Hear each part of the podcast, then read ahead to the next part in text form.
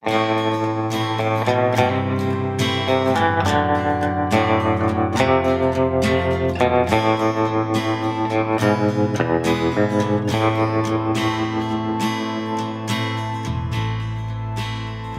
jo nesten litt lyst til å begynne å synge etter det i introen her, men there is Føler jeg litt som en cowboy? Eh, Nei, det gjør jeg ikke lenger. Det var jeg før. Ja. Ja. Hei, Per Ivar. Hei, Kent. Velkommen i studio, en ny episode av Bortekamp. Takk for det. Ja. Det, ja, det er en uke siden vi har vært der eh, sist, så det skal bli en trivelig stund med en meget uh, spennende gjest. Ja. Um, det blir jo nesten som en liten rød tråd, for uh, sist så snakka vi jo litt om selvmord og ja, litt i den gata der. Uh, må si det etterpå, når jeg, når jeg for fra studio, så kjenner jeg det at uh, Jeg blir veldig utleverende noen gang, men det er liksom eneste uh, Hva skal jeg si det, det er jo på en måte Når man kjenner følelsene og kjenner seg igjen, så blir det ofte sånn. da. Mm. Så jeg har vel en tanke om at kanskje den formen som fungerer best for meg. Å bruke mine egne erfaringer som, uh, og relatere til det. Jeg tror jo det at det er en av flere gode grunner for at vi sitter her.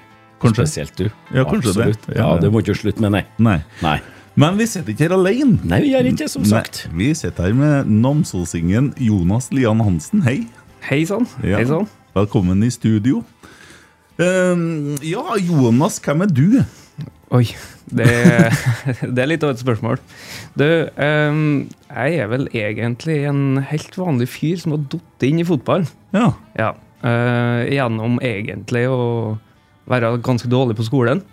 Eh, nå vil jo kanskje både barneskolelærere og ungdomsskolelærere stusse på at jeg sier, det, da. ja. Men eh, etter den tid så har jeg prøvd meg på mye studier som ikke har fungert. Mm. Eh, Men gjennom det så endte jeg opp med å studere sport management i Molde. Og så er du det, ja. Og det gikk sånn som det har gått med en del av de andre studiene, at det greide jeg ikke å fullføre. Nei.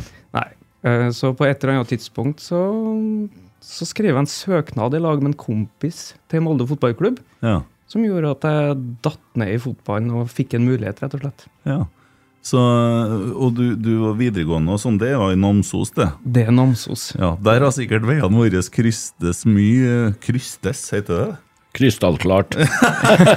Ja, vi har, de har kryssa hverandre sikkert noen ganger der, da. Har nok det. har Ja. nok det. Men eh, jeg tror vel, så vidt jeg vet, at jeg kan ikke komme på at vi har hatt noe med hverandre å gjøre før vi ble voksen. Nei, Nei. For det, da hadde vi det. Da hadde vi det. Da jobba vi sammen. Ja, vi fant ut det faktisk nå nettopp, at, eh, eller jeg kom på det at vi har hatt faktisk noen vekka i lag på Byggmaker i Namsos. Ja. Ja. ja det, og det vet ikke jeg, skjønner du. Så, du vet, da satt jeg bak en pult, og da, da ser man jo ikke Nei, nei og det, Og jeg greier ikke å sitte i ro bak en pult, så jeg gikk vel rundt omkring, tenker jeg. Ja, det gjorde du nok helt sikkert. Jobba du ut eller inn? Nei, jeg jobba inn, men Ja, ja. jeg sitter ikke i ro, nei. Så jeg Nei. gikk vel fra kunde til kunde og prata, tenker jeg. Ja, nei, men da, da, da må jeg jo For jeg var jo inne i samme butikken. Ja, rett, rett bak ryggen på meg innpå. Store forhold i byggmaker Namsos. Ja. nei, men, nei, men det var nå en periode i livet mitt også, hvor det kanskje ikke er akkurat uh, krystallklart alt. og Det er mye tåkelagt. Og ikke hovmesterblikk. Ikke akkurat da var det så ofte ned på skoen. Ja, Mm, ja. ja Molde, altså. Du sendte inn søknad til Molde. Ja, jeg gjorde det. Um, det var Ja, vi studerte jo sport management, jeg og en kompisen min, og vi det var vel en følelse av at vi kanskje kunne bidra med noe, som gjorde at vi sendte en søknad om en Det som jeg så vidt husker på, var en eh, breddejobb med gutte 19. Mm. Som vi syntes var interessant i sammenheng med studiet vårt. Og så ender vi nå opp med å ferde på et intervju som ikke jeg kommer til å glemme, i hvert fall, for da ble vi spurt om sist gang Bodø-Glimt tok medalje. Ja. Og det her begynner å bli så mange år siden at det begynte å bli så mange år siden at Bodø-Glimt har gjort det. Ja. At det var jo umulig å svare på. Og da begynner jo dem som sitter rundt oss å flire, for det visste jo ikke dem heller. De skulle bare sjekke om vi visste. Nei, det Om dere var ordentlige nerder. Ja, det var vi. Virkelig. våkner jo Rosenborg-supporter de og begynne å snakke Ja, den gangen ja, ja, da hadde vel Bodø bare vunnet en cup, eller noe sånt, og det er vel lenge siden, Per Ivar? Ja, nei, jeg husker ikke jeg heller før i, i, i nyere tid. Ja. Så, så det, men eh, Det er litt godt å høre, det. da. Ja. Ja. Men det var ikke derfor dere fikk jobben, antagelig? Nei, vi, vi ble vel, så vidt jeg husker på, det begynner å bli lenge siden, men uh, ble vel sendt på ei økt hvor vi skulle prøve å vise hva vi kunne. For det syns jeg var fantastisk, for de tok ikke hensyn til at vi egentlig ikke hadde gjort noen ting. Nei. De var interessert i hva vi kunne. Ja.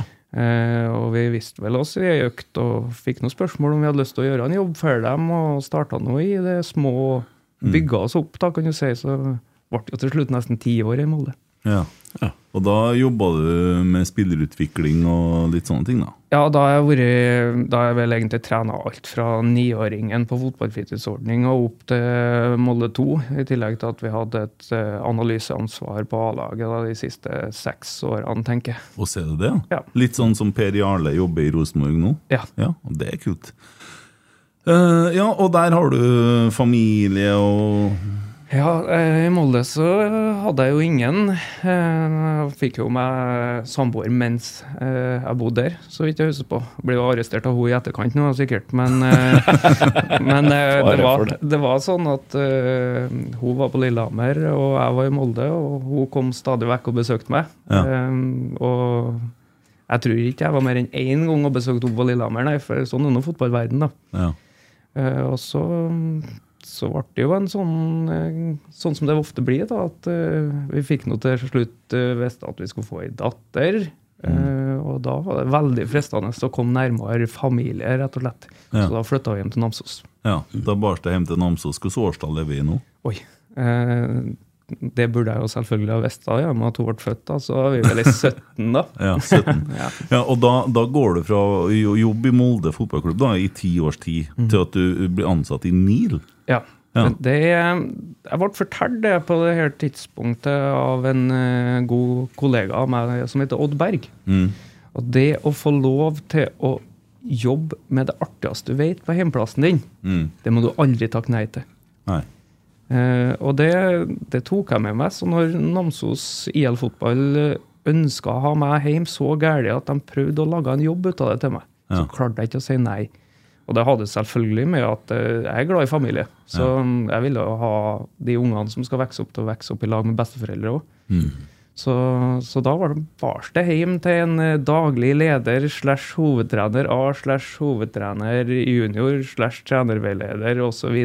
rolle, ja. Det var en liten slash byggmaker inni der. Ja, Ja. og så kasta vi en byggmaker inni her til slutt òg. Så nei, det var Det var for godt til å være sant å få prøve å hjelpe Namsos heimbyen sin med noe. Ja. Prøve å gi inspirasjon og glede til noen unge igjen da, unge lovende spillere som jeg brenner for. da. Ja. Eh, Så kan vi jo godt si at eh, jeg tok tak i A-laget, men det var vel like så mye for å ha, gi de unge noe å se opp til. Ja. Ja, Jeg ser for meg han Kjetil i den tida der, da er han, eh, da er han ivrig. ja da var han ivrig. For Da der, òg. der har du en sånn, eh, en sånn eh, hva skal vi kalle det, ildsjel, det var det det Ja. rette ordet, mildt sagt. Ja, og så er jo Namsos som småbyer flest, da. Ja. Altså A-laget i fotballsammenheng betyr mye for mange. Mm. Eh, og det, det gjorde det jo for meg òg, sjøl om jeg aldri var god nok til å spille for det laget heller. Mm. Eh, så var det jo Jeg husker jo på den drømmen om å få spille på A-laget til Namsos. Mm. Den var stor, den. Ja. Og så var jo min inngang litt annerledes, da, for jeg mener at det er jo ikke noe drøm i seg sjøl. Du må jo drømme lenger enn det.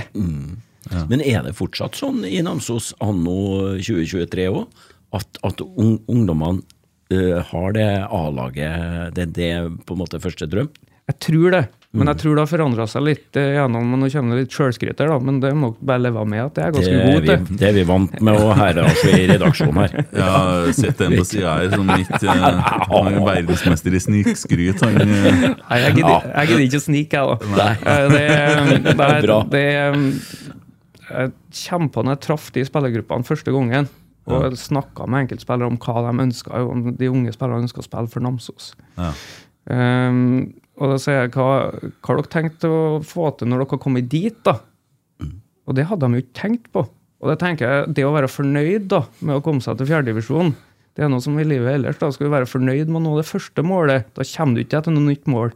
Nei. Og det Ja, det er jo litt artig, nå kommer jo sjølskritten her, da. Det er jo at uh, det er vel knappast nok vært en spiller siden Tor Erik Moen og uh, Kolbjørn Ekker og gjengen fra Namsos. Ja. Men fra den gjengen der så har noen Ruben Alte og han Sondre Langås og flere kommet, da. Ja. Som så at det gikk an og fikk på en måte trua på at du kan bli god hvor som helst. Bare gjør ting rett. ja. Så, så jeg tror jo at de har bana litt vei for neste generasjon. Så jeg håper og tror da at det i dag er en større drøm blant ungdommene i Namsos og Namdalen generelt. Ja. Artig at du nevner de to spillerne, for dem har jo jeg ført litt ekstra òg. Så kjenner jo faren Lars Petter, og Ja, ja. så, så har du jo en Ruben. eh, Jeg husker jo når han var bitte liten guttunge. eh, og så Da mener jeg miniputt. Altså. Og det- Det var jo så artig å se den gangen, og det er jo så artig å se at det har gått hele veien. da. Ja, fantastisk. Det er fantastisk. Og det, og det, er- det er noe med den der driven som er i enkelte unger, da. Ja. eh, Som, som jeg prøver å lete etter i unger jeg jobber med i dag. Mm. Eh, For den, det er så mye talent i så mange, da. Men det detter bort i å ikke ha nok drive. Drive. Ja. Mm. Og det er klart sånn Dårlig norsk ord for øvrig. Ja, ja, nei, men passion er enda, enda bedre norsk Ja. ord for det, ikke sant? ja, nei, men det, det, det at dem som har den driven, da, eh, fungerer som, som levende eksempel for dem som er litt yngre og kommer etter, det, det, det er jo det er jo en eh, gudegave for, for eh, området, ikke sant? Og, og det må til, tror jeg, for at man skal virkelig tro på at det går an å gå hele veien, som, som du sier. Jeg satt jo et, uh, husker på et styremøte på Olavdun eh, videregående skole når jeg skulle inn dit og jobbe. Så, så satt jeg i et styremøte der, og jeg kjempa at jeg sa det at hvis vi får til én, så får vi til flere. Mm. Eh, men vi må få til én først. Eh, og det tror jeg Det har jo litt med historikken min fra Molde å gjøre. Det er jo en bitte liten by, det òg, i utgangspunktet. Og de Ja. får jo til spillere hvert år som ikke spiller på det middelsnivået i Norge. De spiller på det beste nivået. De spiller seg inn i en toppklubb hvert år. Emil Breivik nå som kommer opp, er kjempegod. sant? Mathias Løvik. Det er, og de har sett hvordan de fremom har gjort det. Jeg tror, det er, jeg tror det er mye mer det enn det vi driver på med som trenere. Ja, etablerer vel en slags kultur òg, da. Som, eh, så, som- jeg kjenner jo brakka best, da, men det sitter jo noe i veggene. Sant? Og det blir jo på en måte vanlig å være god. Ja. Eh, og, det, og det er kult å bli god. Men hvordan er det da med, med din egen historie? da? Du drømte sjøl en gang om å bli spiller, og så Ja, det, jeg jo Jeg ble jo Newcastle-supporter veldig tidlig. Ja. Jeg var seks år, jeg var 92. Eh, da var det en spiss som bøtta inn mål når Newcastle røkka opp til øverste nivå. og Så vet jeg Andy Cole. Så ble jo han solgt rett etterpå, selvfølgelig. Men, eh, men jeg hadde nok den driven, men jeg hadde verken potensial eller forståelse av hva du måtte bruke den driven til. Eh, Jeg hadde heller ingen til å hjelpe meg å fortelle meg hva som egentlig skulle til å bruke den driven til. Så, det, så jeg, jeg sto vel egentlig litt i møkka der, tror jeg. Jeg tror ikke jeg hadde sjans, egentlig. Nei. Men, eh, men så er jo kroppen min og hodet mitt sånn at jeg hadde ikke blitt god likevel. Det hadde jeg ikke. Men at jeg kunne blitt mye bedre enn det jeg ble, det er jeg helt sikker på. Ja.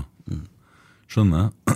I, I 2017 så skjer det jo noe annet òg, som jeg leser om i Namdalsavisa. I en sånn, eh, ja, kort innom det, da. Eh, på det personlige plan så blir ting helt sånn som det skal være. Nei, eh, det å flytte hjem for meg, det er Det var jo egentlig en drøm, det, vet du. Som sagt. Og, det, og så kommer du dit, og så blir hverdagen helt annen enn det du ser for deg. Og, og jeg tror at jeg tror det er gjenkjennbart for mange, da. Når du liksom forhåpningene er veldig store, og så går du inn i noe og innser at det blir ikke sånn. Ehm, og for meg så er Jeg spiller jo med høye kort bestandig, og gjorde jo det i Namsos òg, så, så jeg hadde jo lagt lista veldig høyt for hva vi skulle få til, og hvordan ting skulle bli. Uh, og så fungerer jo det veldig godt på banen og i klubben og ellers. Men for meg personlig så fungerte det jo ikke i det hele tatt. For jeg ble sittende for meg sjøl på et klubbhus. Uh, og det merker dere jo her. Og det, alle som kjenner meg, vil jo si at hvorfor i all verden gjorde du det? Du kan ikke sitte alene noen plass. Sosialt Ja, dyr, du. enormt. enormt. Så, så det å sitte for seg sjøl med et stort ansvar og ta på seg det ansvaret, eh, og så merke at eh, bildet utad er at ting fungerer veldig godt, men å merke det i, i seg sjøl, at ting ikke fungerer i det hele tatt, det var en veldig spesiell opplevelse. Så jeg, jeg følte jeg delte meg sjøl på en eller annen måte. Eh, og for meg så er det Jeg, jeg syns jo det er artig å sitte her, da, for det, at det, det å snakke om det her, for meg så er det vanlig. Og det var det fra det første øyeblikket hvor jeg innså hvor gærent det var. Mm.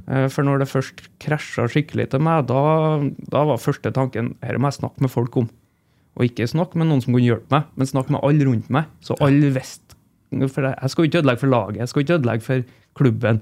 Dette skal, skal vi løse, men da må dere vite hvilke utfordringer som ligger der. Ja, Hvilke utfordringer var det, og hva var det du Nei, det var en eh, Altså, jeg visste jo ikke det der og da. Jeg hadde det tungt, men jeg visste ikke hva det var. Eh, eh, det var jo en ganske tung depresjon eh, jeg hadde. Eh, og det har jeg jo fått hjelp til å finne ut, rett og slett. Og en veldig, veldig, veldig dyktig psykolog som traff meg rett i hjertet. Eh, som jeg er veldig glad for at jeg traff, og som antageligvis på en eller annen måte vil være med meg resten av livet, for jeg tenker på stadig vekk når det dukker opp ting. Hvordan, hvordan er veien til å komme deg til den psykologen? da? For da, du, du, du, opp, du kjenner det jo sjøl, kanskje noen omgivelser begynner å si hva er det som feiler deg? Hva er? Ja, det, jeg går jo som vanlig, da, så går jeg rett til laget. Ja. Det, det, er noe, det er noe i den følelsen av laget. Så jeg går rett til A-laget, og så stiller jeg meg opp på trening, og så forteller jeg at jeg sliter. Ja. Eh, litt usikker på hvordan jeg skal takle det, men den dagen det går utover dere, så vil jeg at dere skal si ifra, for da slutter jeg. Ja. Eh, og så viser det seg jo bare i løpet av den økta at det var en to-tre stykk til som syns det er bra at noen sier det. Ja. Ja. Ja. Litt forløsende. Ja, det er det, rett og slett. Uh, setter meg jo i lag med styret, eh, og får en enorm støtte i NIL-styret. De legger til rette med alt som går an eh, rundt meg. Og, ja, men hva vil du gjøre, hva vil du ikke gjøre, hvordan skal vi løse det? Eh, og, og den derre følelsen av at oi, er det bare å prate med folk, så hjelper de deg. Mm. Den var kjemperar, for jeg hadde bestemt meg for at dette her skal jeg løse sjøl. Ja. Takk og lov at jeg ikke løste det sjøl. Eh, og da, da fant jeg ut ja, men hvordan mer kan jeg få hjelp her, da? Ja. Og da var det, da var det en eh, god venn, vil jeg kalle meg sjøl, som òg er legen min i Namsos, Ja. eh, som, eh, som hjelpa meg til en psykolog.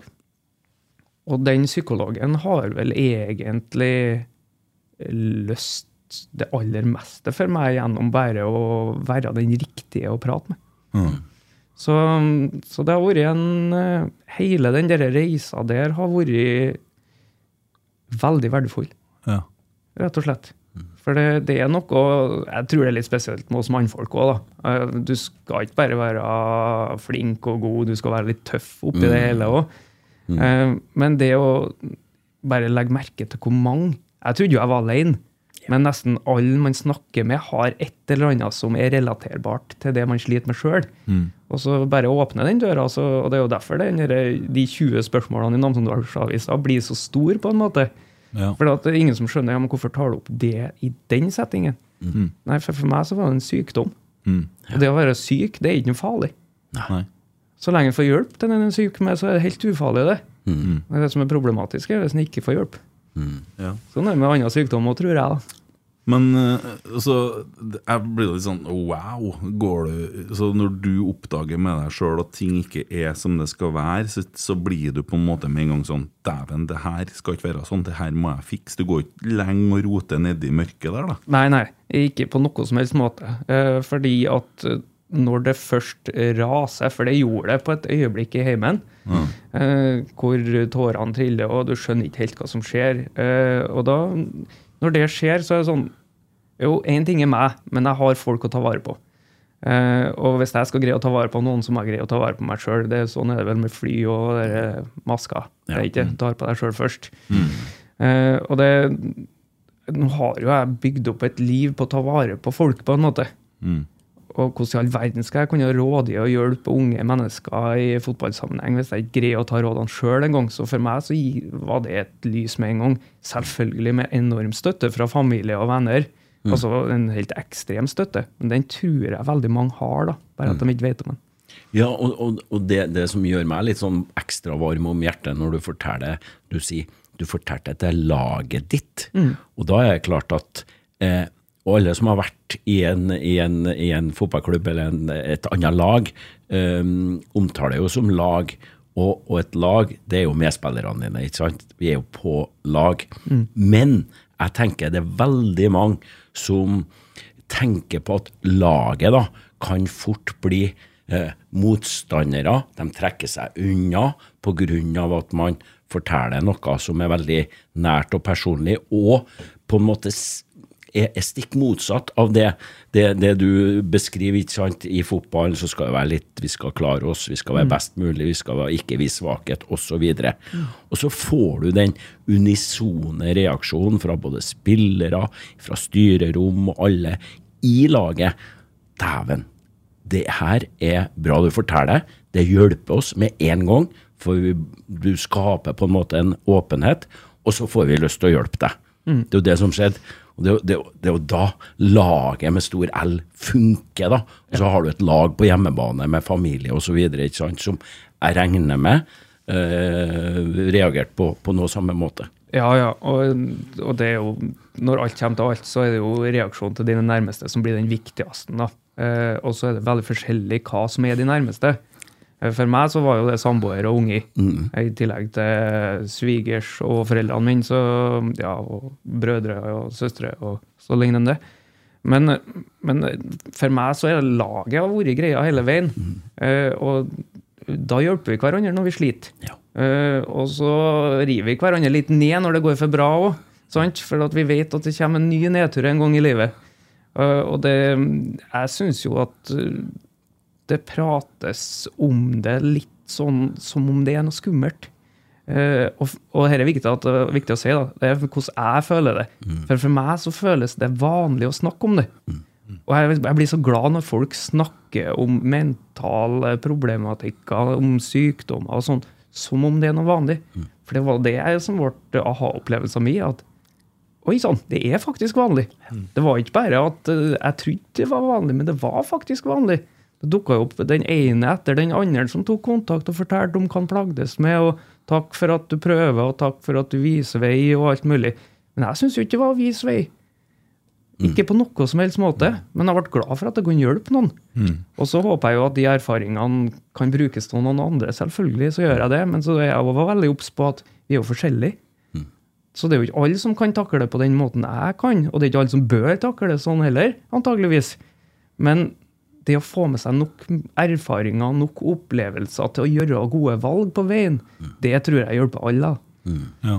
Men, og, og, det jeg opplever her nå, det er jo at du som idrettsmann ja, tar det her som en idrettsskade, på lik linje med en strekk.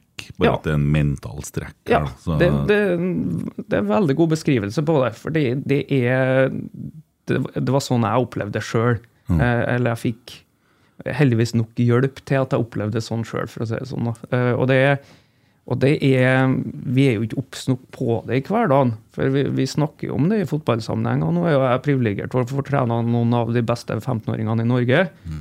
Uh, som forhåpentligvis også skal bli noen av de beste spillerne etter hvert. Mm. Uh, for det er de ikke ennå, nei. nei.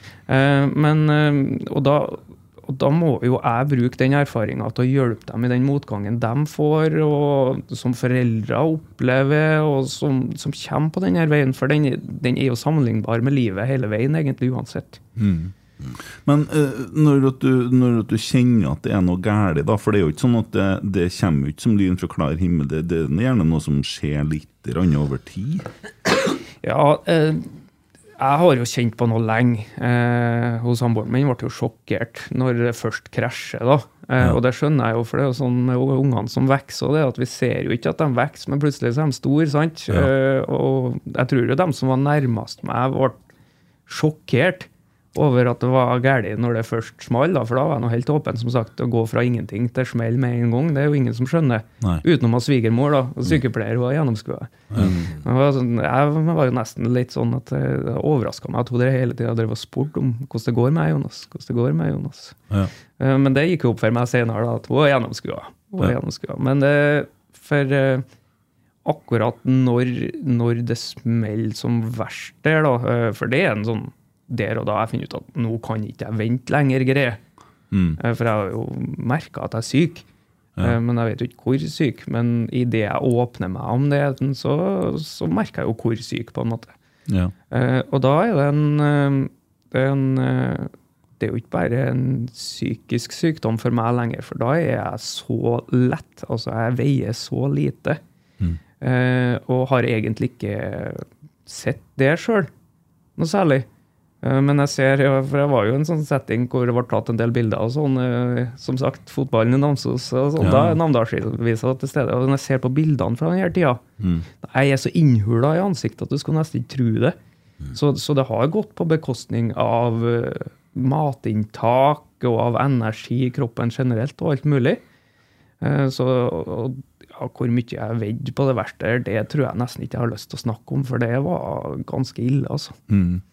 Men også, også begynner du sammen da med psykologen på en sånn forskning, da, for at man må jo på en måte stille en diagnose, og det krever jo at man ja, åpner såret litt òg. Ja, og det, og det var veldig fort åpna, da. For jeg hadde på en måte åpna det internt blant mine nærmeste på forhånd. Ja. Eh, Så det var ikke noe problem. Og så, så var jeg veldig på Jeg har jo studert mye prestasjonspsykologi, og sånn, selv om jeg strøkker på mye, så har jeg studert mye. Ja. Eh, og jeg, jeg var jo i stand til å bruke de verktøyene jeg hadde lært meg, på meg sjøl. Mm. Så for hun som psykolog så var det mer å Ja, men Jonas, eh, her har jo du noen verktøy å bruke. Har du tenkt å bruke dem? Mm. Jo, jo, jeg har tenkt å bruke dem, men hvordan skal jeg bruke dem? Jo, på samme måte som du rådgir alle andre til å bruke dem. Eh, Så det hun fikk til for meg, var på en måte å sette hodet mitt rett inn på fremtida. Eh, Fordi at jeg hadde mer enn nok kontroll på fortida. Mm. Eh, Og, og det med å flytte på en måte blikket da inn imot ja, men hvordan vil du at dette skal se ut om et år, da? Det ble jo på en måte, Da har jo jeg gått og, i en lengre periode og lurt på hvorfor har jeg det sånn egentlig. Og jeg tror jo, jeg tror jo det har vært nevnt også, at det var en slags personlighetsforstyrrelse i å være på en måte på sin beste plass i Molde i mange år. Og så flytte hjem og så være på sin verste plass med en gang. Mm. Eh, Så det ble en sånn delt greie. Og jeg er Det høres kanskje litt rart ut, men jeg er fotballtrener. Eh, og det er det jeg er. Så når jeg da havna i Namsos og ikke oppfatta meg sjøl som fotballtrener lenger, så ble det kjemperart. Mm. Uh, og da når Ranheim da begynte som en neste steg av uh, min, min tid, så når de begynner å mase da, og har lyst til å ha meg dit, og, og så sier jo psykologen rett ut ja, men, men bør du være i Namsos da, Jonas? Mm. Bør du sitte i det her, da? For jeg var vel sykemeldt, så vidt jeg husker, i sju måneder. da Ja. Eh, i perioden i Namsos. Eh, og det, da tar han og prater med dem hjemme igjen. da. Og så viser det seg nok en gang, da, ja, men hvorfor flytter vi ikke, da? Mm. Da har vi kjøpt oss hus og alt i orden i Namsos og tenker hvor vanskelig alt blir. Men det blir ikke det. Nei. Nei, det ordner seg, det. Alt der ordner seg. Ja. Og Selger huset, flytter til Ranheim. Uh, ungene begynner på barnehage, alt uh, blir bedre igjen. Jeg kjenner meg sjøl som meg sjøl igjen. Ja. Eh, må jo starte med å fortelle Ranheim om hvem jeg er. Ja. Og dette her er kanskje en, en av de viktigste delene om hvem jeg er. Ja. Uh, og da, da viser det seg nok en gang, da, så får du bare bekreftelse på at ja, men det er jo ikke noe problem. Eh, De hjelper meg med det og dem. De blir sånn Jøss, du er et menneske. Ja, rett og slett. Rett og slett. Ja. Ja. Så, og, det- har jo gått igjen nå. Når jeg havna i Rosenborg, så er jo det akkurat samme greiene. Eh, Det, og det er så deilig å kjenne på. Mm. Eh, Du møter kollegaer som tar imot denne åpenheten med åpne armer, Ja. og kanskje heller med et å, Vet du, det har jeg òg. Ja. Det er jo, det er jo øh, kanskje noen som hører på nå, som òg driver og så fyller dråper i begeret sitt. Og jeg har et øh, ordtak som jeg bruker, som jeg lærte av Karsten Isaksen en gang tidlig på 90-tallet. Ja. Uh, og det er en eh, livsfilosofi som jeg har eh, prøvd også å bruke sjøl. Eh, for det er et uttrykk som heter at det var dråpen som fikk begeret til å renne over. Eh, og det mener jeg da jeg er helt feil. Fordi at Den dråpen har jo ikke så mye med de andre dråpene eh, La nå meg prate, far. Ja, ja, jeg, jeg spoil, spoiler hele den, men jeg tror Karsten har, har fortalt den til flere enn deg. Jeg er ganske sikker på at ikke alle som jeg hører på her, har hørt på Karsten Isaksen. Riktig. Ja. Eh, Det er ikke den dråpen som får begeret til å renne over, det er det allerede fulle begeret. Og med det så, så er det jo noe med å prøve å leve med et så tomt beger som mulig. For jeg har òg en gang i tida drevet og så fylt dråper i begeret. Og da er det til slutt den der lille eh, tingen som plutselig lager den smellen. Ja. Eh, som kan være ganske liten dråpe i forhold til Ja. mange av dem du har lagra. Og måten man tømmer begeret på, da, det er litt sånn interessant. For at jeg begynte å se, jeg var jo ung når jeg begynte med det her. Kompisene de tok seg en, og så begynte de å tømme, tømme Mm. og da skulle de snakke ut sant, på slutten på skihytta ute i Fosen. her, Da satt de og hadde sånn oppgjør da, i ett-to-tida om natta og, og åpna seg. Våkna morgenen etterpå, så var jo begeret ennå fullere. For da sånn Herregud, hva jeg sa i går. Sant? Det var den der, den der. Så ser man jo at med å være åpen, da, Ja. Så, så unngår man å lagre dråper i begeret. Og det er jo en vanskelig øvelse, for det krever jo at du er åpen og ærlig med folk og sier at det du sa der, det var faktisk ubehagelig. Altså, eh, og, og, og at du klarer på en måte å ta unna litt ting. Og det er jo en livslang øvelse, det. For Ja. du risikerer jo å såre folk og Det er det en gjør, vet du. Og så er, er det noe med tida vi lever i, da. Eh, for meg. Uh, jeg, så, jeg føler meg som en 17-18-åring ennå, jeg, og det er så heldig at jeg får jobbe med så unge og gode spillere at jeg får den energien hver dag. Uh, men, men det er klart at sånn som samfunnet vårt er bygd opp i dag, hvor alt handler om å vise sin beste side, og så vet ikke folk hva den beste sida er. For meg er den beste sida den ærlige, åpne sida. Mm. Men det du skal vise ut av, det er jo ofte noe helt annet. Og det er jo på samme måten som jeg hadde personlig. sant? Altså Det var ett bilde i avisa, og så var det ett ansikt uh, når jeg satte meg på kontoret. Det var ganske stor forskjell på de to bildene. Eh, og det, det tror jeg at det må vi som er litt den voksne generasjonen, nå være klar over altså hvor mye tøffere den biten er i dag enn den var. Eh, og samtidig så er det så syns jeg jo personlig at vi forverrer saken litt sjøl. Jeg som fotballtrener blir jo oppfatta som ganske tøff. Jeg liker å stille krav. Jeg liker at øh, ja, Jeg fikk vel det fortalt på forrige foreldremøte at de er glad, foreldrene, for at jeg er så sint. Eh, og da tror jeg egentlig de mente at jeg stiller krav. Ja. Eh, og det, det er det du møter i fremtida, da. Mm. De som vokser opp nå, de møter noen krav som de skal greie å tilfredsstille, på en måte. Men så må de huske på at det er jo ikke farlig å ikke greie å nå kravene hver gang. Det er helt normalt. Eh, og det, for, for meg som ikke er noen sånn sosiale medier-type, så jeg blir jeg jo helt sjokkert over hvordan ting ser ut der da, når jeg først er inn. Mm.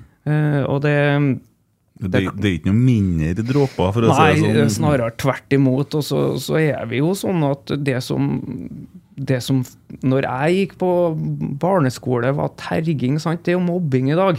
Eh, og det er jeg òg litt bekymra for. sant? At det, det er en helt annen hverdag der. Ja, hva, er, hva er det som er mobbing? Jeg, jeg fikk, jo en, fikk jo beskjed om å ta igjen. Sant?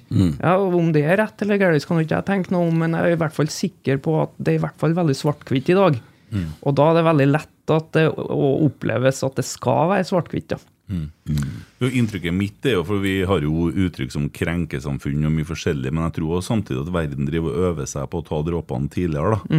Eh, men det er jo mange flere dråper, og de er mange større, og så er det med hvordan ting føles, og det er jo individuelt. Men vi har jo innført litt sånn godhjerta mobbing oss imellom, Per Ivar. Det er Jo, litt artig, jo, det. jo. og det, det er viktig å ta vare på, for det er litt erting, det. Ja, det er erting. Ja, Ja, og terging, erting. ja. sant? Ja. De begrepene er jo borte i dag. Ja. Ja. ja, men godhjerta mobbing, det Ja, Jeg liker det. ja. Ja. Jeg liker det, og det, det er jo akkurat som alt andre vi snakker om, at det å snakke om ting, det er jo, det er jo ikke så farlig, det. da. Nei. Altså, og det er jo det som kan gjøre at jeg kan være streng eller sette høye krav. Det er jo at jeg tror spillerne vet hvor glad jeg er i dem. Mm. Og det må liksom ligge i bunnen hvis du skal sette høye krav til noen. Så må de vite at det er i beste mening. Og som, Trygghet og tillit. Ja, den, og den må ligge der. Og der tror jeg kanskje vi er for dårlige til å åpne oss, så vi får den tilbake. da. Eh, Det, det er jo lett for meg å sitte og prate om det her, fordi at eh, alle spillerne og alle jeg kjenner, de vet jo om det her. Det er jo ikke noe nytt. Altså 14-åringene på laget mitt, de, de vet at jeg har hatt trøbbel. Ja. Ja, og da, da får jeg åpenhet tilbake. Altså. Ja, man gjør jo det. Ja. Det er jo ofte sånn at hvis man åpner sin egen dør først, så er det gjerne noen andre som Ja. eh, ja. Men eh, det er jo litt sånn, for du jobber jo i prestasjonskultur, og NIS-undersøkelser fra 2015, litt eh, noen år tilbake, den sier at eh, 40% av spillerne i Obos og Eliteserien har eller opplever angst og eller depresjon. Eh, ganske store tall. Ja. Og så ser man da at eh, hvis du har en eh, spiller på toppnivå, og så kan du noen ganger lese på spilleren at han har det ikke så bra for tida. Eh, og Jeg tror kanskje at uh, i og med at klubbene investerer store summer i det her spillerne og sånne ting, så syns jeg det er litt rart hvor lite fokus det er på det mentale. Uh, det er veldig mye Å, han har fått strekk, han har, fått en, han har en kjenning. Det er liksom Men hvis du har en mental kjenning, da, tror du man klarer å prestere på samme nivå som om man ikke har det? Nei, og så er jo dette her en Det er jo en kunnskapsbasert greie. sant? Eh, Det, det er jo utfordringer som ligger der i dag, at veldig mange av oss, og ja, det er oss, ja, eh, vi kan ikke nok om det til at vi kan gjøre noe med det.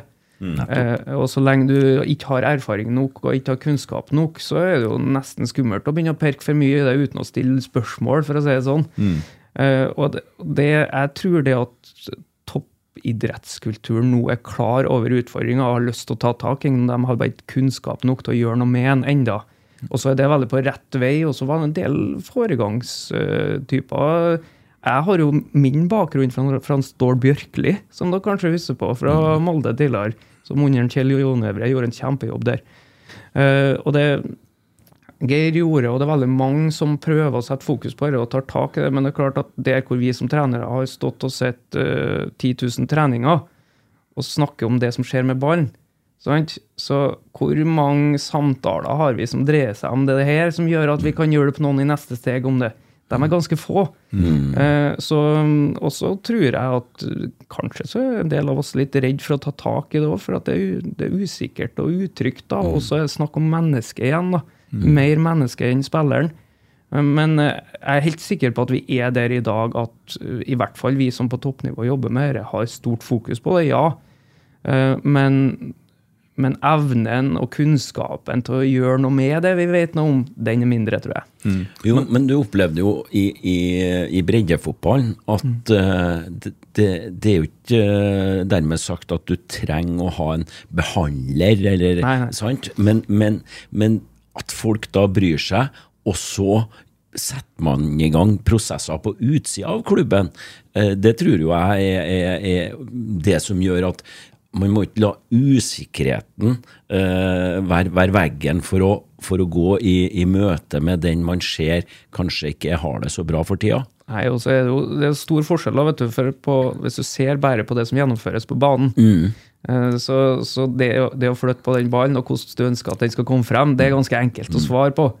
Men det som foregår oppi hodet til folk, det er litt, det er litt mer kinkig. Men det å gi den tryggheten som gjør at folk tør å si fra når det er noe, det, der kan vi bli mye bedre. da. Og så er det, så tror jo jeg det at vi har eh, når det kommer til akkurat de aller, aller beste, og de statistikkene som vises der, eh, så tenker jeg at det er helt naturlig, for de lever i et sånt, så høyt prestasjonsmiljø. da, Der hvor jeg i Namsos med mitt ansikt i avisa i Namdalsavisa syntes at det var tungt å bære. Så kan man bare tenke hva de beste har å bære på fra dag til dag. sant, og, det, og da er det mm, Men det at noen er der, det at noen tør å se dem som er bak spilleren.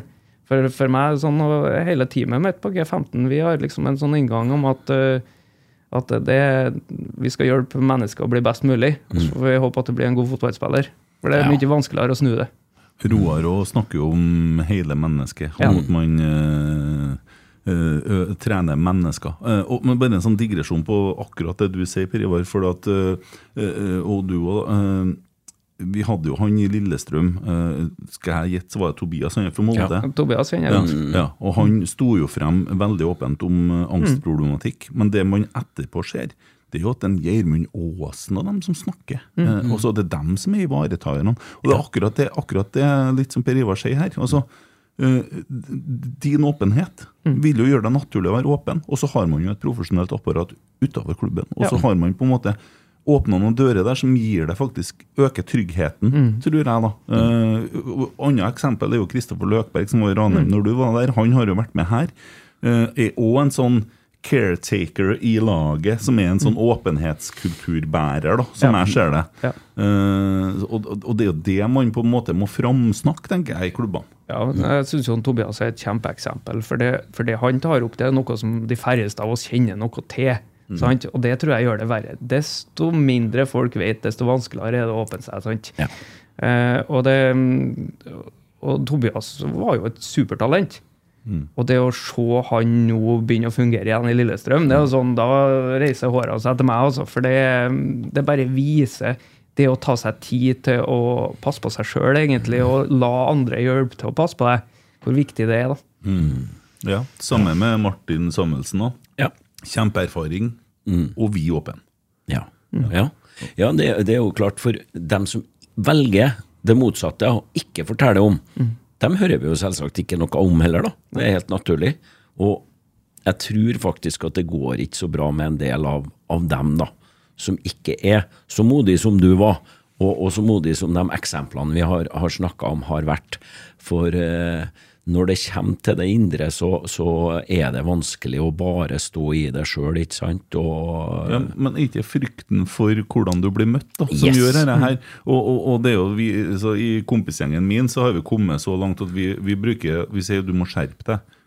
Og det er med ironi. Ja. Fordi at når noen er forkjøla eller har omgangssyke eller har vondt i ryggen, så må du skjerpe deg. da. For vi, vi, vi bruker det ironisk som om folk også, Om du er deprimert, da, så begynner plutselig noen av omgivelsene å komme med sånn Ja, men ta deg sammen. Skjerp deg. Altså, de begynner å tenke pragmatisk eller stoisk, da. Er Så, og det Ja. Og vi- har jo en tendens i, til å si at uh, her må du takle.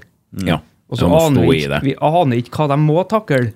Og så lenge vi ikke vet det, så er jo det, det er jo en idiotisk måte å si noe på. sant? Mm. Altså, Hvis ikke jeg vet hva du skal takle, så kan jeg også, For meg som fotballtrener så handler det om hvordan skal jeg greie å hjelpe til òg. Altså, det er jo enkelt å avskilte en spiller, for å kalle det det, da, med å si at han ikke er god nok. Mm. Jo, men hva, hva gjør jeg for å hjelpe han til å bli god nok, da? Det, det å se på seg sjøl og, og torsa liksom å ta tak i og hjelpe noen ordentlig. Eh, og det mm, Jeg tror at når det kommer til sånne ting som virkelig berører mennesket, så tør folk det, da.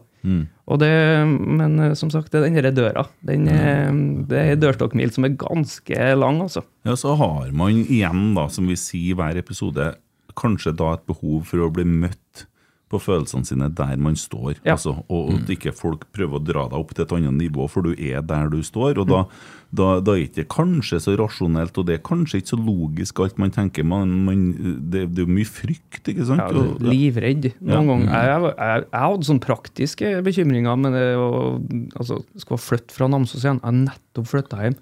Hvordan ser det ut utad? Jo, det takler jeg ok. Jeg har kjøpt huset til mutter'n og fatter'n. Ja, nå skal jeg selge det rett etter å ha kjøpt det, det som skulle bli i familien. Ja, Hva sier de på bygda? hva sier de? Ja, hvordan blir det her? Men nei, ingenting. Det gikk bra. full forståelse. Ja. Ja, snarere tvert imot litt sånn Ja, dæven, det gjør du rett i.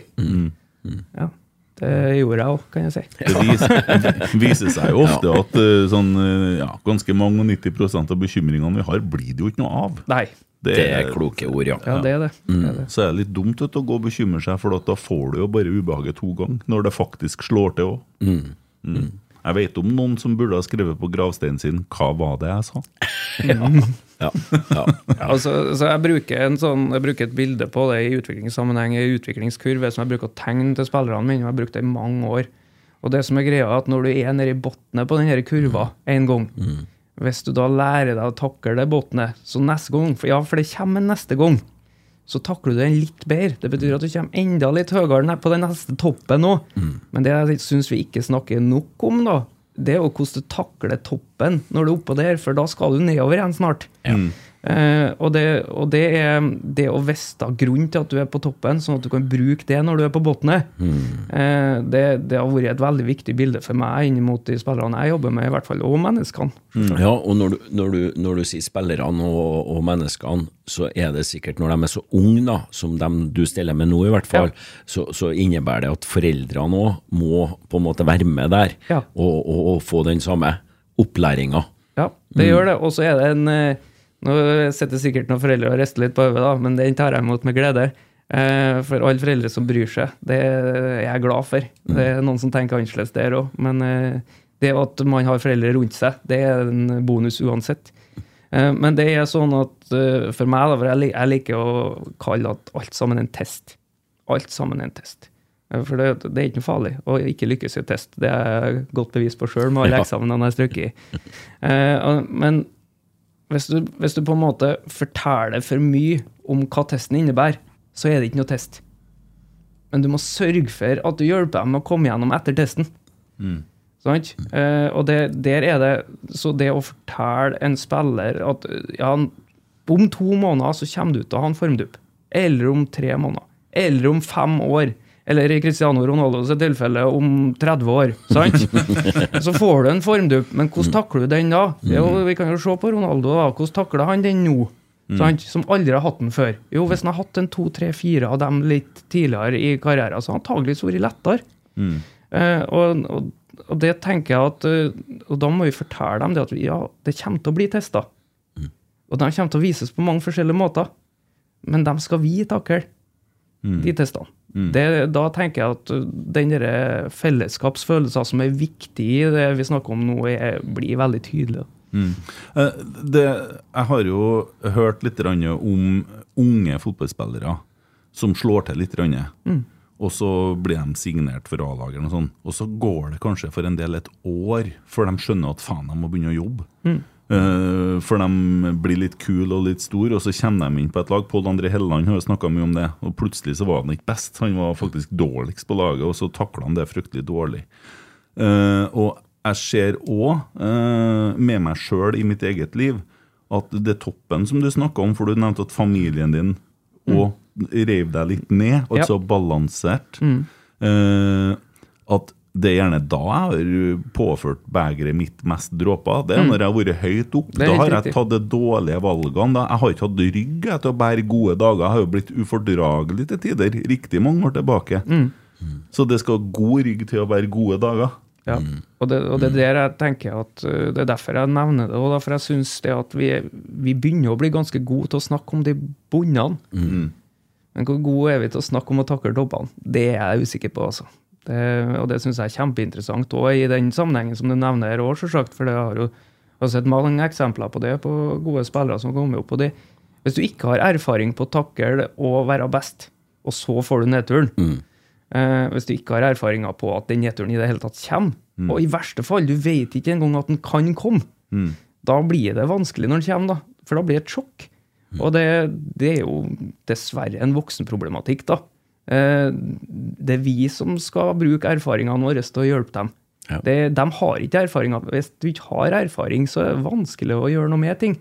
Eh, og det, det er jo eh, litt Det er litt sånn jeg, Selv om jeg har sett Grace Anatomy, så kan ikke jeg operere, altså. For det, det, du, har ikke, du har ikke erfaringene i fingrene til å gjøre det. Eh, og det er jo litt sånn eh, for oss som lever i den der ekstreme interessen som er i fotballen, som er fantastisk òg. Det å sitte på Lerkendal og se og ha meninger, det er jo fantastisk. Og alle sammen kjenner at her, her kunne jeg ha leda litt bedre. Og den er så viktig, sant? Litt ortopedi- Og, og, så, men så er jo spørsmålet helt egentlig er da med de manglende erfaringene på å lede her, hvordan hadde det egentlig sett ut da? Og sånn, sånn er det med oss i følelsesspekteret òg. Altså, hvis, vi ikke- hvis vi ikke har opplevd å mestre det, da blir det vanskelig å mestre det. Og hvis vi ikke da er informert om at det kommer en gang, Ja. da blir det sjokk, altså. tenker på ett eksempel. Eh, Martin Ødegaard. Sant? Hvis du ser på reisa hans, han tror jeg har hatt veldig god uh, hjelp rundt seg til å forstå akkurat det der. Du skal takle det å å komme opp og være, være topp, topp uh, i verden på sin alder, ikke sant? For så, når du tar steget, så er, blir du ikke best, selvsagt, med en gang, men du må gjennom noe, noe, noe motbakkeløp Ja. som, ja, i hvert fall sånn som det ser ut nå. Han har uh, takla det utrolig godt, da. Og hatt gode rådgivere rundt seg. Ja, det var mange som rista på hodet underveis der. Ikke sant? Mange som har gitt opp omgivelsene, trykker ned de gode hjelperne, ikke sant? At eh, ja, det ble med det det ble, og så ble det ikke. Nei. Nei, mye antelov. Ja, det, Ja, det er det er også selvsagt det er jo litt sånn Tilbake til gravstein, hva var jeg sa, men i en litt annen betydning. ikke sant? Mm. Det, det er mange som lever etter det og prøver å få rett i pessimismens eh, ånd, da, Mm. ikke sant? Ja, du sjøl har Twitter. Ja, for eksempel. Jo, altså En annen ting i forhold til balanseror som er et sånn ekstremtilfelle, det er jo Nils Arne Eggen. Altså, hvis Rosenborg har vært ute i Europa og gjort det veldig bra, så spiller en treningskamp mot Byåsen tre dager etterpå. Han er ilsint, og Erik Hoftun og Roarstrand må ut og varme opp i pausen fordi de mente at de har ikke jobba i første omgangen. Eller at hvis noen gjorde en god prestasjon, så kunne han være uenig i det. Og hvis at, altså, at han, han gikk alltid imot. Ja. ja. Så Hvis at vi hadde tapt, så var han egentlig ganske fornøyd. Han hadde argument for det òg. Så han balanserte ting hele tida. Han jevna ut kurva. Ja. Mm. Mm. Og det, det er litt viktig, og det, det blir jo på en måte omgivelsene òg litt, som skal på en måte uh, være blylodd, som, som familien din, som du beskrev der, da, eller uh, andre veien når at det Ja. ja. Ja, men Det ser vi jo på dem som er, er aller best når det kommer til individuelle idretter også. Da er man ikke så fokusert på at man står øverst på pallen. Hva kunne jeg gjort bedre? Ikke, hva er det optimale uh, skiløpet? Uh, Bjørndalen osv. Ikke sant? Det ser du. Så at, at det med å ta av toppene er noe som uh, bør bli enda mer fokus på, tror jeg på. Altså, ja, for altså, Hvis du tar og sammenligner toppen med bunn, Mm. Så det er ganske langt imellom. Og Da skjønner en hvor viktig det er å jevne ut den avstanden litt. da. ja, det vet jeg alt om. Det har vært ganske langt imellom. eh, Ja. Ja, Det har vi vel egentlig alle da, på våre måter, og det er det som, er, det, er det som gjør det så interessant. Mm. Ja, Det jeg har lært, er jo altså at øh, alle mennesker i løpet av livet øh, vil på en måte, altså uten at man har gått til psykolog og fått en diagnose, men har kan ha perioder i livet hvor man egentlig kunne ha fått noen diagnoser og, og, og, og leve med da noe slags psykisk sykdom, men vi har ikke kommet så langt at det er anerkjent, sånn at det bare man må skjerpe seg, da. Ja, det, og, det, og, det, det ligger det jo mye, sant. Det, det er mange som sliter med ting som vi i dag fortsatt ikke vet noen ting om. Eh, og da må vi nå i hvert fall sørge for å ta imot det med åpne armer de gangene noen tør å si noe om det.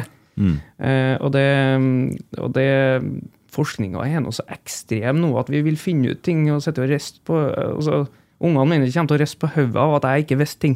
Ja. Eh, og det må vi huske på, sånn at vi kan ta imot de gangene de kommer med ting som vi ikke skjønner. også. Ja, Apropos unger og skjønne ting. Er det en ting som bekymrer meg med unge folk, så er det skjermtid. Hvordan gjør dere det? For du er på gutter 15, du. Gutter 15. Da har du uh, så 13-, 14- og 15-åringer. Ja. Ja, 14 og 15. ja. Og, og, og, og da, da har dere øh, en tanke rundt det med skjermtid, eller? Nei, Nei. ikke på noe som helst måte. Det, de, de vet hva kravet er. Og så lenge, så lenge de gjør det de kan for at de skal fungere, eh, så er vi fornøyd. For de er så forskjellige. Ja. Eh, at det, er Om, om en velger å sitte i sofaen hele døgnet, eh, men han leverer, og han er det beste av seg sjøl, eh, eller rettere sagt prøver å være det beste av seg sjøl, for det er det som er målet her, da, så, så legger ikke vi oss så mye borti resten, vi altså. For det, at det er så individuelt hva som skal til eh, for å fungere best mulig for seg sjøl. Ja. Eh, og, det, og det er i hvert fall mitt inntrykk personlig at eh, ja, vi legger litt sånn A4-ark på folk, da. Mm. det er, jeg vet nå det at eh, Apropos diagnoser, har du testa meg på lese- og skrivevansker, så har jeg slått ut på alt mulig rart. Men jeg har jo aldri greid å lese ei bok, så det er ingen som har fått testa meg på det. Nei. Sant? Eh, Og det Ja, ok, men da, da kan ikke jeg lese ei bok. Mm. -hmm. Uansett hva jeg skal gjøre for å bli god til noe, så kan ikke jeg lese bok. Det er nå bare sånn det er. Eh, Sånn at eh, der er vi, mm, i hvert fall rundt min gruppe, så er vi veldig åpne på at eh, hjelpe dem til å finne ut hva som er best for dem. da. Ja. Tror jeg er pedagogisk helt riktig. Ja, Deilig å høre. Ja. Jeg tror det. Hender i garderoben, da. Ja, og det, når man samles, da blir det annerledes. Ja. Når man samles, da blir det annerledes. Da er det ingen telefoner. Da er det mm, Vi, vi er kanskje ekstreme, da, men flaskene skal stilles opp. De skal stå attmed hverandre, de skal stå rett. Eh, det, det skal være ja, Du skal oppføre deg på riktig måte, og alt sånn selvfølgelig, men du skal være kledd rett. Du skal, det, der vi oppfattes vi nok som spesielle, tror jeg. Eh, men eh, den dagen eh, hvor du kan si at den ene flaska ligger, da, og vi nekter å starte opp og spille på trening, så starter det jo selvfølgelig med at han som har velta flaska, springer og setter den opp. Men etter hvert så begynner alle andre å sprenge og sette den opp. Hjelpe. Og fordi at de vet at det gagner flertallet, at vi hjelper hverandre. Eh, og da begynner sånne ting å få effekt. Eh, og så er det noe sånn at igjen, da, det, jeg kan jo velge med å ikke begynne oppvarming, men det vil være dumt. Det er ingen fotballspillere som syns det er kjempeartig med oppvarming. Så vi lar alt frem, sammen gå frem til vi skal begynne å spille. Eh, og hvis det da er rot fremfor benken, ja, da starter vi ikke. Og da er vi helt stille. Da venter vi. Så får vi se hva som skjer. Ja. Ja. ja, for det der må man jo kan når man eh, kommer litt lenger. Ja, og det er jo det som er poenget. At eh, det er jo, det er jo det er oppdragelse i det, det. Og så er det, er det deilig for oss som ledere at det ser ordentlig ut, for da ser nå vi ordentlig ut. Egoister er vi jo, vi òg. Men, eh, men det er jo òg det at når du kommer på toppnivå, så vil du helst ikke bli tatt på ting som er gratis. Så altså, Hvis du da blir lagt merke til som en som har orden på alt, så er det litt lettere å nå gjennom òg. Så det er, mm, og det tror jeg jo er på det aller meste. Da, at vi er litt eh, at vi, Igjen, vi bruker erfaringene våre til å gi dem en litt enklere vei frem. Eh, Men da må vi dra til når de trenger det òg. Ja. Ja. Det ble veldig interessant og bra her. Ja, det syns jeg òg. Det, det som kanskje gjenstår nå, det er det liksom Du har vært inn på det gode norske ordet drive, ikke sant? Og, og, og jeg tror vi leser les deg godt som person, ikke sant? Dette er på en måte det nærmeste du kommer et kall, det er å trene. Du har identifisert deg som at du er fotballtrener, ikke sant? Ja. Og ganske, ganske ekstremt. Mm. Hva Hvis du ser fremover, da. eh, Hva er driven din? Hva, hva er målene dine? Hva, hva gjør du om ti år? Nei, det er oh, Nå gjør det vanskelig for meg, for det, nå har vi jo en trenerutvikler i Rosenborg, en Svein Målen, som jeg også jobba med i Ranheim. da. Uh, og han er jo irritert på meg for at jeg er så dårlig til å sette mål for meg sjøl. Okay. Apropos det å se seg sjøl i samme sammenheng, så sitter jeg og sier det til spillerne at dere må jo få til. uh, men, men det er så mye mer komplekst når du har en familie å forholde deg til. Eh, nå, nå er det sånn at eh, vi bygger hus i Namsos. Ja, Så, ja. så nå skal, skal Lian Hansen begynne pendlerlivet. Ja. Og mellom Trondheim og Namsos er jo ganske langt. Så det blir hybelliv igjen. Eh, Men det er fordi at familien min vet at jeg må være fotballtreneren hvis jeg skal være så god som jeg kan være. Eh, og så vet jeg at den skyldfølelsen som ligger i å være mye borte, når det ikke er noen besteforeldre til å hjelpe til å passe på, og alt sånn, den kan jeg ikke ha. Nei. Den vi blir mindre nå. Ja, nå, blir det, nå forsvinner den litt. Og at jeg tror at jeg blir en mye bedre pappa òg. Mm. og det gleder jeg meg jo til, for det, det sitter jo noe i det. Ja. Eh, Men, eh, men målsettinga er ganske høy, altså. Men, eh, men det går ikke på å trene et A-lag på toppnivå og sånne ting. Det, det går faktisk på å være så god fotballtrener som jeg klarer å være, for de beste spillerne jeg kan trene til et hvert tidspunkt, på en måte. Og det, og det er litt eh, interessant, for jeg syns det er veldig likt da, å jobbe med en, eh, jobbe med en Mats Reginiussen som å jobbe med en 15-åring. Det, det, det er folk det er snakk om. Ja. Hjelp dem til å hjelpe seg sjøl. Gi dem gode erfaringer. Støtt dem når de trenger det, og trekk dem ned når de trenger det. Eh, og så samtidig vise at jeg er nå her for deg. Om du ikke vil bruke meg, så slipper du nå det. Tross alt. Det er bare å ikke bruke meg, det. Ja. Det går helt fint. Ja. Du må gjøre det som er rett for deg. Men du, du har snakka så mye om at nei, jeg har eksamen, jeg har ikke bestått noen eksamen. Og Nei, det, vi har jo glemt ett kapittel. Jeg har jo jeg har studert engelsk ja. her i Trondheim for jeg, før jeg for til Molde. Og det sto jeg vel på én av åtte eksamener. Det var stort. Ja, ja. Og muntlig, den jeg sto på. ja, det vil jeg tro, ja. Men, men du har allikevel fått til veldig mye i livet ditt, da? Ja, ja. Jeg, jeg, jeg har jo lyktes, jeg. Ja. Jeg er ikke redd for å si det. Eh, Og så er jeg ikke fornøyd med det. Det skal lykkes videre, og jeg skal lykkes på, på vegne av mine egne. Og så skal jeg sørge for det aller viktigste, at mine egne lykkes med det de vil til slutt. Han Erik Hoftun sa at Nils Arne Eggen han er den eneste personen som ikke påpekte at jeg var treg. Han snakka bare om det jeg var god på. Ja. Ja. Uh, og jeg skjønner jo at du er god på veldig, veldig mye. Jo, takk. Og uh, det er jo du som tar fram de eksamenene. Men uh, det er jo tydelig at den erfaringsbiten som du sitter med, er jo helt uvurderlig viktig. Så må vi huske på det at det å snakke seg sjøl ned ofte er et eh, godt grep for å fremstå på en litt annen måte, ikke omvendt. Dempe forventningene. Ja, gjør det, vet du. Jo, men, men det har jo litt sammenheng med det du sier om det har de, de skal gjennom noen tester. Noen er kamuflert, noen er mer eh, synlig gjennom kamper og prestasjoner, hvor mange minutter du får på laget osv. Men, men det er jo litt sånn eh, at det viktigste, sier du, du skal komme deg videre. Og det er jo livet ditt egentlig et Mm. Godt det. eksempel på. ikke sant? Absolutt. Du har feila på eksamenene, men, men du har gått videre for det. Ja, det er Funnet helt helt vei. ufarlig å feile. Ja. Men hvor er dere på å bygge hus? Spillum. Spillum, ja. Ja, ja. Så nå blir det bare å gli rett ned i skiløypa der. Ja, Det blir ja. svigerfar glad for. Oh, ja, Er det sikkert oppå kammen der, kanskje? Ja, ja, ja. ja, ja, ja, Det blir kjempefint. Det er mange fra Namsos som hører på dette nå. Det, det blir helt sikkert. Ja, det vil jeg tro. Eh, Nei, men det her var jo veldig interessant, og tusen hjertelig takk for at du er så åpen. Det tror jeg hjelper veldig mye folk. Mm. Tusen takk for at jeg fikk komme og være åpen. Ja. Tusen takk. Ja. Takk skal du ha.